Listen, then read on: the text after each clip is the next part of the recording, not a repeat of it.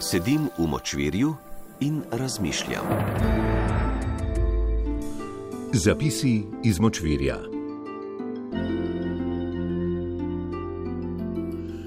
Oba redna poslušalca naše skromne oddaje sta izrazila željo, da se tudi pri nas ozremo na življenje in delo britanske kraljice Elizabete II. Edini argument, ki sta ga pri tem navedla in ga s hvaležnostjo sprejemamo, je ta, da če lahko o tem govorijo vsi, lahko o tem govorimo tudi mi. Kar je butasto, ampak živimo v civilizaciji medijskih skupinskih posilstev. Kar nas navede na osnovno misel ob smrti britanske monarhinje. Ko je zapustila ta svet, se ni spremenila v prah in se ne bo povrnila v pepel ali kako že gre, temveč se je spremenila v novico, ki je še manj materialna forma kot sta prah in pepel, verjetno tudi manj materialna forma kot je duša sama. In samo kot na svet za vse bodoče mrtve.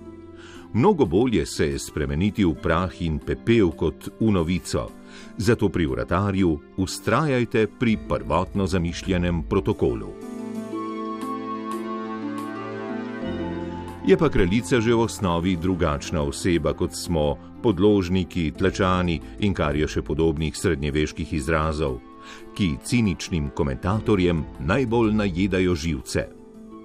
Ob vsej tej srednjeveški navlaki se je planet lepo razklav in ker ga imamo že odprej razklanega zaradi pandemije in Ukrajine ter zdaj še kraljice, je naša civilizacija vse bolj videti kot olupljena pomaranča oziroma grenivka.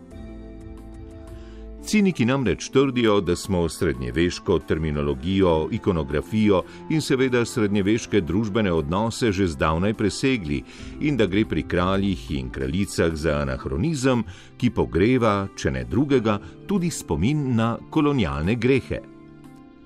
Kot vedno imajo ciniki prav, ampak zato, ker so ciniki, se svojega prav ne zmorejo veseliti. Na srečo pa obstaja tudi svet izven racionalnih kategorij, v katerem pa živi oziroma je živela kraljica in celotno Združeno kraljestvo, ter še celina ali dve.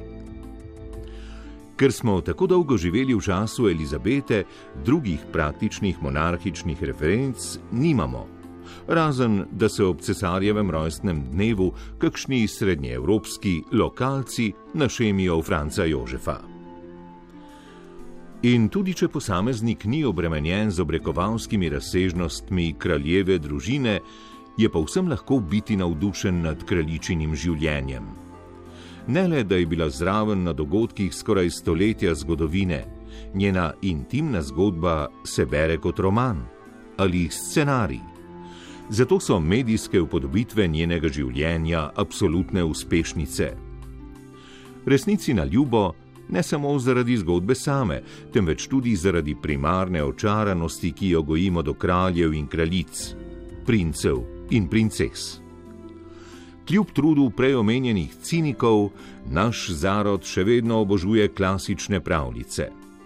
Klasične zgodbe o dobrem in zlem in princ, ki na koncu poljubi princeso, med otroci vedno nažge bolj realno in v času ter politični ureditvi primernejšo zgodbo o poslancu, ki se mu uspe uvrstiti v parlament.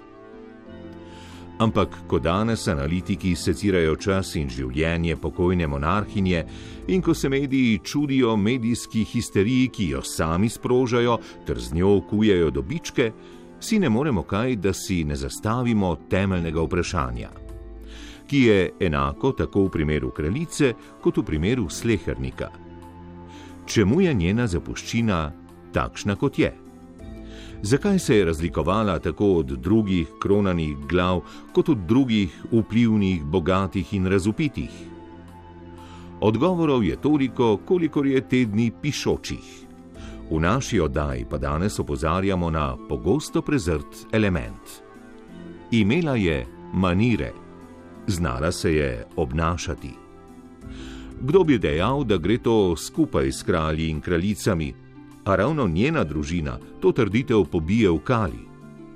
A gospa je enostavno imela manire, Bila je občudovana zaradi uglajenih manir in nostalgija po izginulem času, ki nas je zapustil skupaj z njo, je nostalgija po primernih manirah.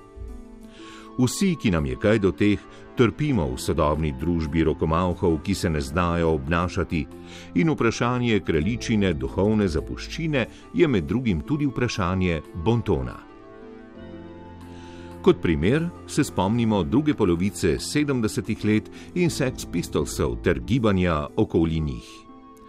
To ni bila bitlovska kultura, ki se je nedolžno pošalila na račun nakita vladajoče elite, sprejela pa imperialna odlikovanja in nazive.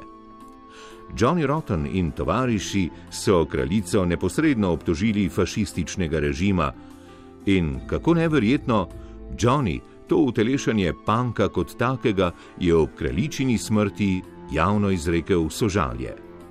Kar je, mimo grede, ena bolj punk stvari, ki jih je storil. In ta kratka zgodbica nam bolj kot vse drugo govori o moči dostojnega obnašanja. Govori o dostojanstvu, zmernosti in veličini, pa čeprav v okolju žalitev in zmedljivk. Če pritrdimo cinikom, da je odšla samo še ena izmed glav globalno vladajoče meduze, pa moramo tudi dodati, da je bila med krvosesniško elito edina, ki se je znala obnašati.